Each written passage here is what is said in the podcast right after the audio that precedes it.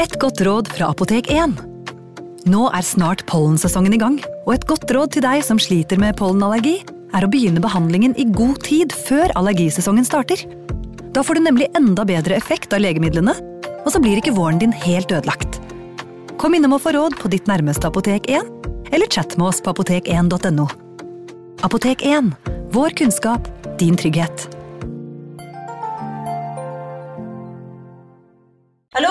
Jeg kommer fra Oslo politikammer. Ine Jansen er purk. Er du purk? The motherfucking bitch. Alt jeg vil, er å finne ut hva som skjedde med mannen min. Jon Carew. Er jeg sikta for noe? Iben Akeli. Det er du. Ole So, Lars Berrum og Big Daddy Karsten. Hvem sin side er du på, egentlig? Anette Hoff, Tone Danielsen, Kommer du fra Afrika? Jørnis Josef, Nesten. Kløfta. Trond Espen Seim, Det er synd å si det, men det var feil mann som døde. Purk. Premiere tirsdag på TV2 Play. Ungsamtalen fra DNB er økonomisk veiledning tilpasset deg som er ung. Bokk en ungsamtale på dnb.no. slash ung. Det er kjempebra hvis du skal inn på boligmarkedet, hvis det er drømmen din, liksom. Det er det du skulle sagt. Og så kunne du ropt litt mer, da, sånn som jeg gjorde. Bam! Advarsel. Denne podkasten inneholder skildringer av ekte drap og kriminalsaker som kan være støtende for enkelte. Det advares også mot sterke inntrykk i deler av episoden. Waldport, Oregon, 1975. Løpesedler er delt ut, lagt under vindusviskere på bilers frontruter, hengt opp på oppslagstavler og bussholdeplasser. Mange har sett løpesedlene, og flere interesserer seg for budskapet. Det står i store, svarte bokstaver. UFO. Hvorfor er de her? Hvem er de kommet for, og når skal de reise tilbake? Under denne teksten i litt mindre skrift står det Ikke en diskusjon om ufoer eksisterer, eller om fenomener som har med ufo å gjøre.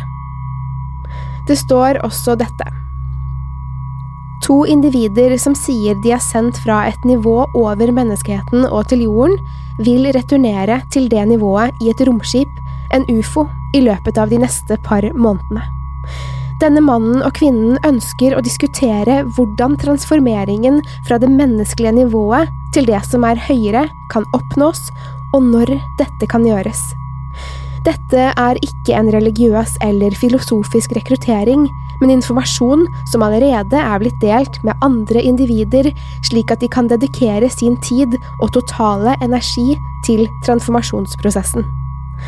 Hvis du noen gang har tenkt over at det faktisk finnes et ekte, fysisk nivå i verdensrommet utover jorden, bør du delta på dette møtet. Søndag den 14. september klokken 14 på Bayshore Inn, Waldport, Oregon.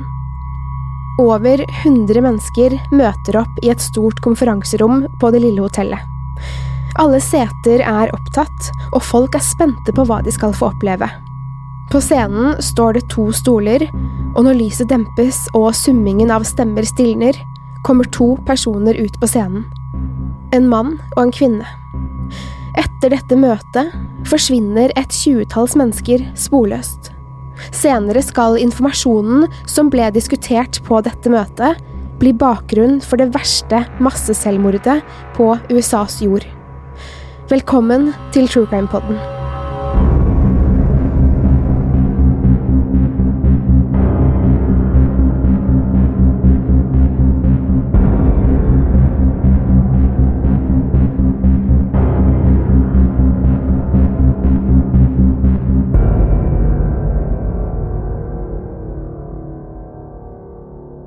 Mange tenker nok nå at vent litt, hva med Jonestown-massakren?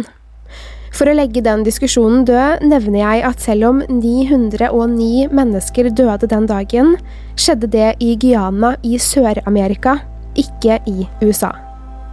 Det var mange som møtte til ufo-diskusjonen på hotellet i Waldport, Oregon. Det ble diskutert lenge, og de to menneskene som satt på scenen, fortalte at de egentlig var aliens sendt fra et høyere nivå utenfor denne verden. De var litt som Jesus, for de var også kommet hit for å frelse menneskeheten. Det står om dem i Johannes' åpenbaring i Bibelen, kan de fortelle. Mange av de som møtte opp, hadde vært interessert i ufoer og andre utenomjordiske fenomener lenge, og de fleste søkte noe mer.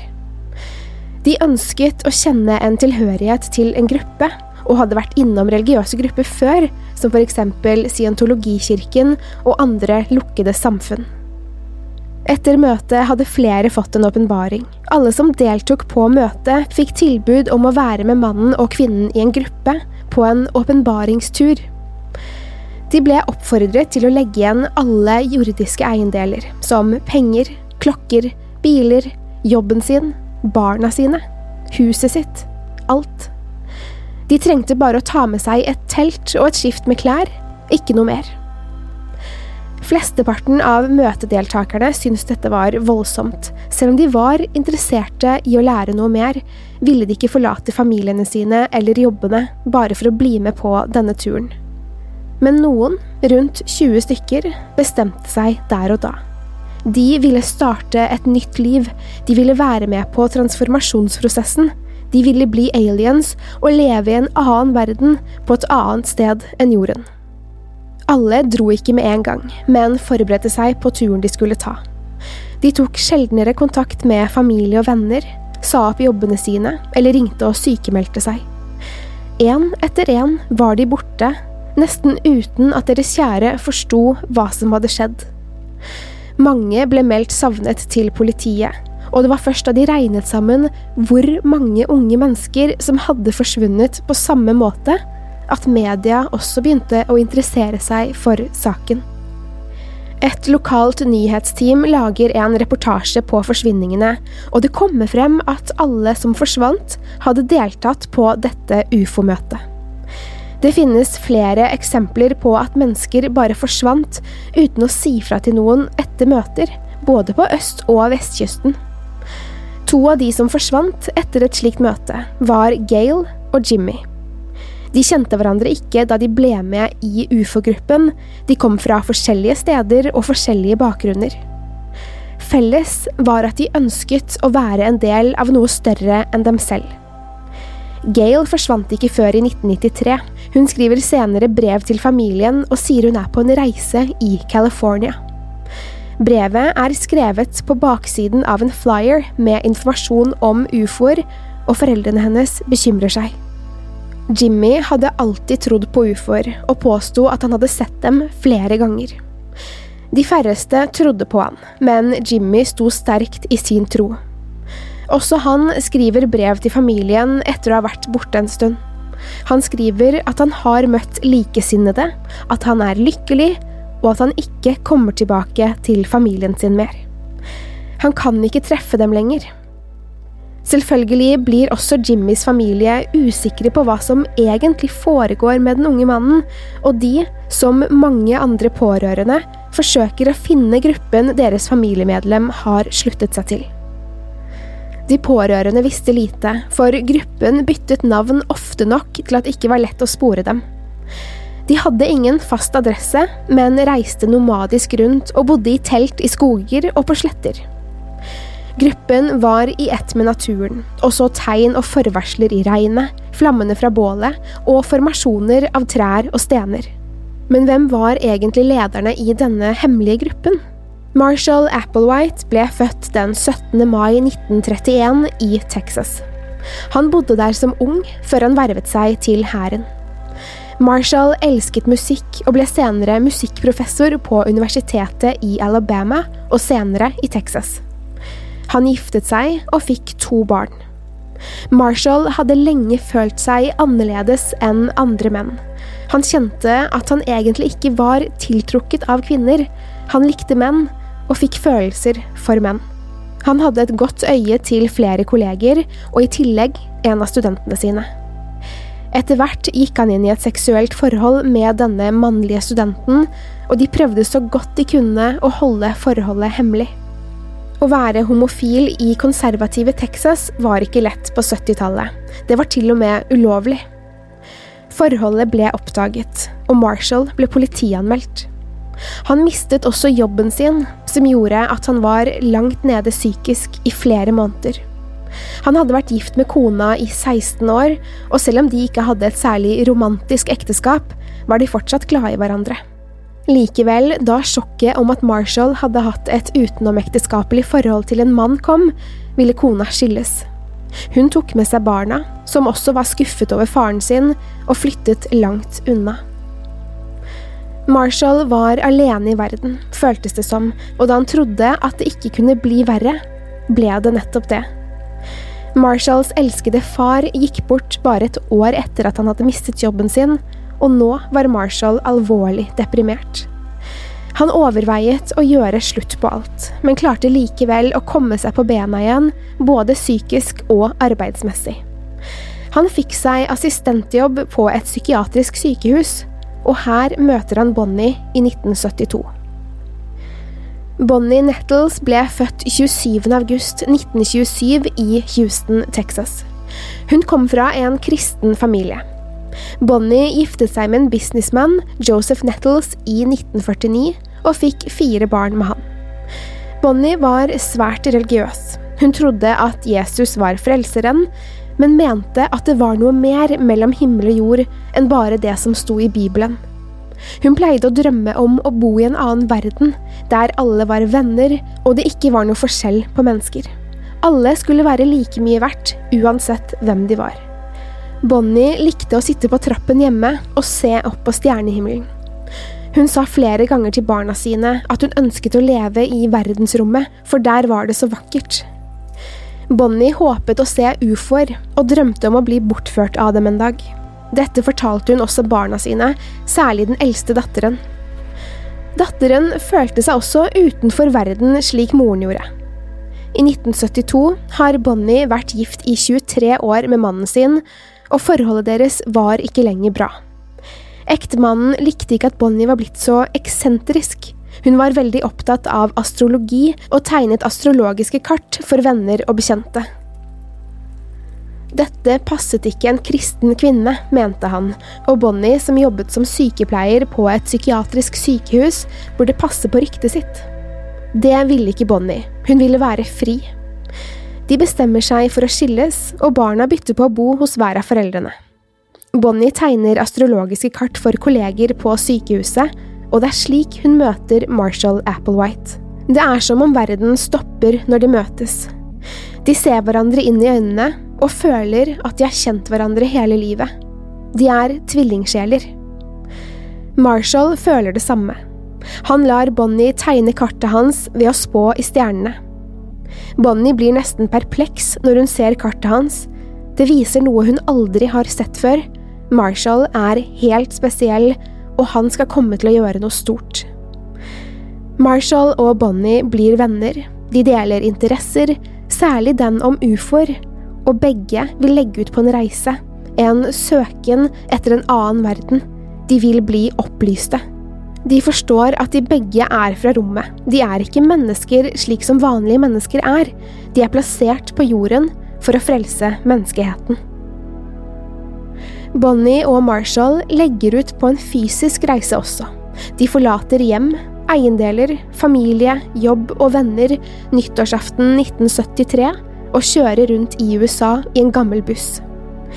Bonnie skriver brev til barna sine og forteller livlig om hva hun opplever.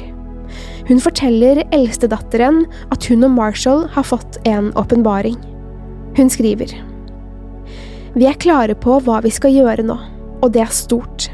Vi er sendt til jorden slik som Jesus for å frelse menneskeheten. Det står om oss og dette i Johannes' åpenbaring. Jeg tviler ikke, vennen. Dette er sant. Jeg visste jeg skulle gjøre noe viktig. Bonnies datter er glad for at moren har funnet sin vei i livet, men er likevel redd for hva som kan skje. Hun og den litt merkelige Marshall har ingen penger, eller jobb for den saks skyld, de kan ikke leve slik for alltid. Hun uttrykker bekymring for moren, men Bonnie sier at de ikke trenger penger for å leve slik de ønsker. Det stemmer at Bonnie og Marshall ikke har noen penger. De lever på gratis mat fra restauranter og stjeler fra butikker. Marshall arresteres en gang han prøver å stjele en bil, og må tilbringe seks måneder i fengsel. Men Bonnie besøker han ofte, og de fortsetter det spirituelle arbeidet sitt. Når Marshall slippes ut, har de bestemt seg for å kontakte en ufo-researcher, Hayden Hughes. De håper han kan hjelpe dem med å få ut budskapet sitt til flere, og Bonnie og Marshall vil starte en bevegelse, kanskje en egen religion, basert på sannheten de har. De ønsker å finne de rette utvalgte, som har samme evner som dem, de som kan overkomme døden slik som Bonnie og Marshall kan. De skal forandres slik som en larve blir til en sommerfugl, de skal transformeres, og ønsker at så mange som mulig skal få denne muligheten. Bonnie og Marshall lærer mer om ufoer fra Hayden Hughes, hvem de er, og hvorfor de er på jorden. Det er da de forstår at det finnes en annen verden, en fysisk verden, som er et nivå over menneskeheten. Den eneste måten å komme seg dit på, er å følge med i romskipet til aliens, slik at de kan leve fritt i den nye verdenen. Marshall forteller Hughes at han har telepatiske evner. Han sier til Hughes at hvis han vil ta kontakt med Marshall, skal han bruke en mental kode, så vil han høre det og kontakte Hughes. Marshall gir Hughes den mentale koden bestående av tall, bokstaver og en følelse, og lover å ta kontakt når han bruker den. I tiden etter møtet reiser Bonnie og Marshall videre til Oregon. Her holder de det man tror er sitt første rekrutteringsmøte, og får flere tilhengere som blir med dem videre. Mennesker forsvinner plutselig, som nevnt tidligere, og Hayden Hughes forstår hva som har skjedd. Han er helt sikker på at det er Marshall og Bonnie som har holdt møte, og får med seg tilhengere, så han bruker den mentale koden for å komme i kontakt med Marshall. Ifølge Hugh selv ringer Marshall han dagen etter. Han forteller at de har startet en ny bevegelse, Human Individual Metamorphosis. Etter hvert blir gruppen større. De er 60–70 personer som reiser sammen, bor i telt og forbereder seg på å transformeres. De fokuserer på forandring og å være klare for det store som skal skje. De ønsker å klare reisen og transformasjonen fra menneske til alien. Etter hvert blir gruppen rarere og rarere. Marshall mener at de må fornekte sin identitet. Man er ikke seg selv i kroppen man har fått på jorden. Den er midlertidig, bare et fremkomstmiddel og et hjem til transformasjonen. Han krever at medlemmene fornekter sitt kjønn, sin seksualitet og individualitet. Noen faller fra, men mange blir i gruppen. Marshall holder seg borte fra de mannlige medlemmene i gruppen for å ikke la seg friste av dem, men han synes det er vanskelig. Marshall får større og større innflytelse på medlemmene. Han får dem til å tro at hele verden er ute etter dem, at vanlige mennesker ikke forstår deres ønsker. Han nekter dem kontakt med familie og venner, all tid og energi skal brukes på det store som skal skje. På starten av 80-tallet begynner Bonnie å bli usikker. Hun begynner å tvile på det Marshall sier og mener, og er redd for at han har blitt gal. Hun forsøker å snakke med han, få han tilbake på stien de sammen peilet ut, men Marshall er borte, skriver Bonnie i et brev. Hun er usikker på fremtiden, men velger å bli i gruppen for å passe på at det ikke går over styr. Bonnie er redd for Marshall. Medlemmenes foreldre og andre pårørende er veldig bekymret for sine kjære, som har helt sluttet å ta kontakt. Familiene vet ikke engang om de lever. De prøver å få hjelp fra politiet, men gruppen bytter navn og flytter på seg ofte, som gjør at de nesten er umulige å finne. De bor langt ute i skogen, og det er heller ikke mulig å reise til dem, for ingen vet hvor de befinner seg. Marshall forstår at medlemmenes familier er ute etter dem, og går med på at medlemmene skal få ringe hjem, men under streng bevoktning. Han sier at medlemmene må huske på at familiene deres ikke forstår hva de holder på med, de er ikke opplyste på samme måte som dem, derfor må medlemmene berolige familiene sine. De får streng beskjed om hva de får si, og ringer midt på natten og legger igjen beskjed på svareren, så familiene ikke skal få muligheten til å snakke med dem.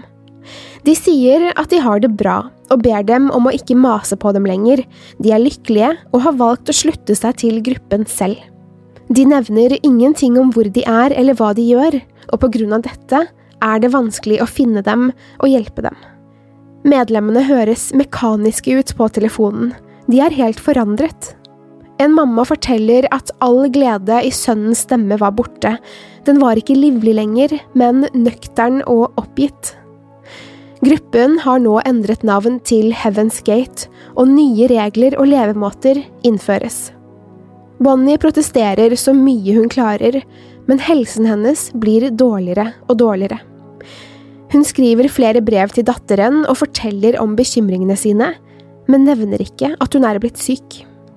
Bonnie har fått kreft i leveren og trenger behandling.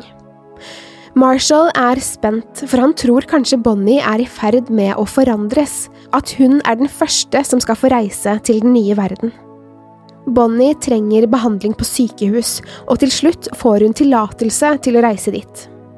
Hun legges inn under falsk navn, men på sykehuset er det lite de kan gjøre. Kreften har vært ubehandlet i så lang tid at den har spredd seg til andre organer enn å smertelindre henne den siste tiden. Bonnie forteller ingen i familien sin om sykdommen, og dør alene på sykehuset uten et eneste menneske ved seg i 1985. Familien hennes, døtrene, får ikke vite at Bonnie er død før etter flere måneder. Etter dødsfallet begynner flere medlemmer å tvile på om Marshalls profetier er sanne. Bonnie skulle jo transformeres, men kroppen hennes ligger fortsatt i sykesengen, helt lik som da hun levde stemmer det ikke at de skal bli aliens likevel. Marshall får en ny åpenbaring som han ivrig forteller medlemmene om. Han har forstått at de må forlate kroppene sine for å transformeres. De jordiske kroppene skal ikke brukes annet enn på jorden. Det er sjelen deres som skal videre, og for å klare å distansere seg fra sitt eget legeme, må også de dø. Selvmord er den eneste veien. Marshall mener også at det er veldig viktig å fjerne alle menneskelige faktorer fra seg selv, alle lyster, personlige trekk. Alle skal være like. Derfor mener han at kastrering er nødvendig. Han snakker om kastrering som om det er en måte å få et nytt nivå av opplysthet på, og annonserer at han vil la seg kastrere. Noen medlemmer synes dette er for mye og for vilt. De forlater gruppen. Seks menn blir likevel med. De trenger ikke sine seksuelle lyster dit de skal. Marshall og medlemmene reiser til Mexico og lar seg kastrere. De kommer tilbake enda mer opplyst enn før, og flere angrer på at de ikke ble med. Nå er det også viktig for medlemmene at alle skal se like ut, for det finnes ikke kjønn eller individualitet lenger. Derfor skal alle gå i samme klær, en svart joggedress. De skal ha på seg svarte Nike joggesko, håret skal barberes bort fra hodet, og i lommen skal de ha fem dollar i quarters. Heaven's Gate trenger penger, og på 90-tallet starter gruppen et firma, Higher Source, som designer websider. De selger flere webtjenester etter hvert, og tjener masse penger. De er arbeidsomme mennesker som gjør en veldig god jobb. Kundene er fornøyde, selv om de synes menneskene som jobber i Higher Source er veldig rare og annerledes. Heaven's Gate lager også sin egen nettside, hvor Marshall legger ut videoer av lange prekener som medlemmene og alle som ønsker, skal kunne høre budskapet hans. Han klarer å rekruttere flere nye medlemmer via websiden sin, og nå er både Gail og Jimmy, som ble nevnt i starten, dedikerte medlemmer. De jobber med webdesign begge to, og Gail reiser hjem for et bryllup i 1996. Hun forteller familien sin at hun er lykkelig, at hun jobber med datamaskiner i California, og at hun har gode venner. Familien synes det er bra at Gail har en ordentlig jobb, men ønsker at hun skal bli hjemme. Før Gail reiser tilbake, sier hun til foreldrene sine at dette nok var den siste gangen de så hverandre. Jimmy reiser også hjem en gang på 90-tallet. Han er forandret og veldig verbal om at han er en ufo. Søsteren hans er redd for at han er med på noe farlig, men Jimmy beroliger henne med at han ikke lenger er et aktivt medlem av gruppen Heaven's Gate, han bare treffer dem ofte. Før Jimmy reiser fra familien sin, stjeler han penger fra søsteren sin. Hun blir veldig lei seg og engstelig for at dette var siste gangen hun så broren sin. Heaven's Gate bor fortsatt mest i skogen, og Marshall blir mer og mer paranoid. På denne tiden er det flere skogbranner i California, som gjør himmelen rød om kvelden og natten. Dette er et tegn på at reisen snart skal skje, mener Marshall. Det er et tegn fra verdensrommet om at romskipet deres er på vei for å hente dem. Dommedag skal komme. Medlemmene gjør seg klare til den store transformasjonen. De snakker sammen om hvordan alt skal bli, og hva de skal gjøre for å klare å komme seg ut av de jordiske kroppene sine. De har kjøpt et stort hus i Rancho Santa Fe, hvor alle møter og alt arbeid foregår. Journalisten og dokumentarfilmskaperen Louis Theroux sender mail til Heaven's Gate og spør om han kan komme på besøk og lage en dokumentar om gruppen til programmet sitt Weird Weekends, men Heaven's Gate takker nei. De begrunner det med at det vil fjerne fokus fra oppgaven de nå står ovenfor, men nevner ikke at dommedag snart skal komme. I mars 1997 kan flere nyhetskanaler fortelle at en stor komet skal passere jorden, og at den vil kunne ses av mennesker. Halebop-kometen var store nyheter for de fleste, men kanskje størst for Heaven's Gate. Bak Halebop kom romskipet deres, og de måtte gjøre seg klare til reisen. På nettsiden deres legges det ut en red alert, en advarsel om at dommedag er her. Marshall, eller Doe som han kaller seg, legger ut en forstyrrende video hvor han stirrer rett inn i kamera og sier La meg starte med å fortelle at verden snart er i ferd med å gå under i løpet av de neste dagene. Vi kommer fra det ytre rom, en annen dimensjon om du vil. Nå skal vi reise tilbake dit vi kom fra. Dere kan følge oss om dere ønsker, men dere kan ikke bli igjen her og tro at dere følger oss. Dere må reise snart, raskt, ut av denne verden. Det legges ut et bilde som de kaller for klassebilde på nettsiden Class of 97 Graduating, står det. Den 26. mars 1997 får det tidligere Heaven's Gate-medlemmet Rio Angelo en merkelig pakke i posten. Han åpner pakken, og der finner han en videokassett og et brev. Når du leser dette, har vi forlatt våre jordiske legemer. Rio forstår hva dette betyr, og reiser til det store huset i Rancho. Livredd går han inn, urolig for hva han skal finne i huset. Ytterdøren er låst, og han banker på. Ingen svarer. Han roper, banker igjen, men får ikke kontakt med noen. Han går rundt huset og finner verandadøren åpen. Inne i huset lukter det forferdelig. Det lukter død, forråtnelse. Han dekker nesen og munnen og tar seg videre inn. På soverommene ligger mennesker i hver sin køyeseng. De ligger på ryggen, med hendene hvilende ved siden av kroppen. De har på seg svarte joggedresser alle sammen, og svarte Nike-sko. Alle har et lilla klede lagt pent over ansiktet og overkroppen. Huset er stille som i døden. Rio føler at benet hans skal svikte under seg, og klamrer seg til veggen mens han snubler ut av huset i forferdelse. Kameraten som kjørte han, beskriver Rio som likblek da han kom ut. Rio ringer politiet og sier som det er, en sekt har begått kollektivt selvmord. Inne i huset ligger 39 mennesker. De er døde av kveling og en blanding av medikamenter og alkohol. Nyheten når media fort, og både Gail og Jimmys familier følger med. De forstår hva som er skjedd, og bare venter på at politiet skal ringe dem. Hvert eneste medlem hadde sine egne identifikasjonspapirer i bukselommen sin, så arbeidet med identifisering skulle gå lett.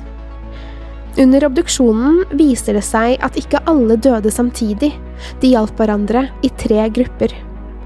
Marshall var i gruppe nummer to. Medlemmene hadde drukket en blanding av smertestillende og vodka, lagt seg på sengen og tredd en plastpose over hodet sitt og satt en strikk rundt halsen. Så hadde de enten selv eller ved hjelp lagt det lilla kledet over ansiktet. Deretter hadde de ventet på døden. De kvalte seg selv. Klokken fire på natten ringer telefonen hos Gail sine foreldre. Det er faren hennes som tar telefonen. Gail var en av de 39 som døde i Heaven's Gate-huset. Familien til Jimmy får ingen slik telefon. Jimmy var ikke i huset. Han lever. Han snakker med en tante, men virker trist og oppgitt over seg selv. I pakken Rio fikk, var det en videokassett. På den forteller alle medlemmene at de selv har valgt å forlate sine jordiske legemer, at de gleder seg til å bli aliens i det nye riket. Noen ser ut som de mener det. Andre gråter. Noen ser redde ut og som at de blir tvunget til å si det de sier. Det er også en siste melding fra Marshall. Han henvender seg til tidligere medlemmer og sier at det enda ikke er for sent å følge dem. Døren til romskipet står åpen en liten stund til, og han oppfordrer flere til å bli med til det nye riket. Noen dager senere får Jimmys søster en telefon fra politiet. De har funnet Jimmy hjemme i leiligheten han leide. Han hadde skrevet et brev hvor han forklarte at han ikke kunne være igjen på jorden alene. Han døde av et selvpåført pistolskudd i hodet. Faren til Gail sier i et intervju at det kun var ett selvmord den dagen i Heaven's Gate-huset, og 38 drap. Nettsiden til Heaven's Gate finnes enda. Den opprettholdes av to medlemmer som ofret seg selv og ble igjen her på jorden for å fremme budskapet deres. Den er helt lik som den var på 90-tallet, med videoer av medlemmer, Marshall og advarselen om at dommedag skulle komme. Du kan gå inn på www.heavensgate.com hvis du ønsker å se siden. Vi har snakket om selvmord i denne episoden, og hvis du kjenner at du trenger noen å snakke med, ber jeg deg innstendig om å ringe Mental Helses hjelpetelefon 116 123. 116 123. Følg oss gjerne på Instagram. Der heter vi True Crime Norge. Vi minner også om at vi ikke er mye på våre Facebook-sider, så om du ønsker å kontakte oss, ber vi deg om å bruke DM på Instagram, eller sende mail til post at truecrimenorge.no. Til neste gang, pass på deg selv, og takk for at du har hørt på True Crime-podden. moderne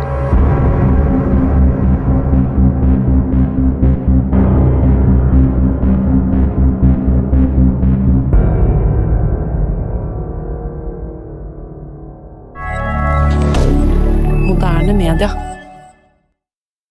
Har du et enkeltpersonforetak eller en liten bedrift? Da er du sikkert lei av å høre meg snakke om hvor enkelt det er med kvitteringer og bilag i fiken, så vi eh, gir oss her, vi. Fordi vi liker enkelt. Fiken superenkelt regnskap. Hei! Takk for at du lytter til True Crime Podden. Skulle du ønske at du kunne høre en ny episode av denne podkasten hver eneste uke? Vel, da er det bare å laste ned podkastappen Untold med en gang.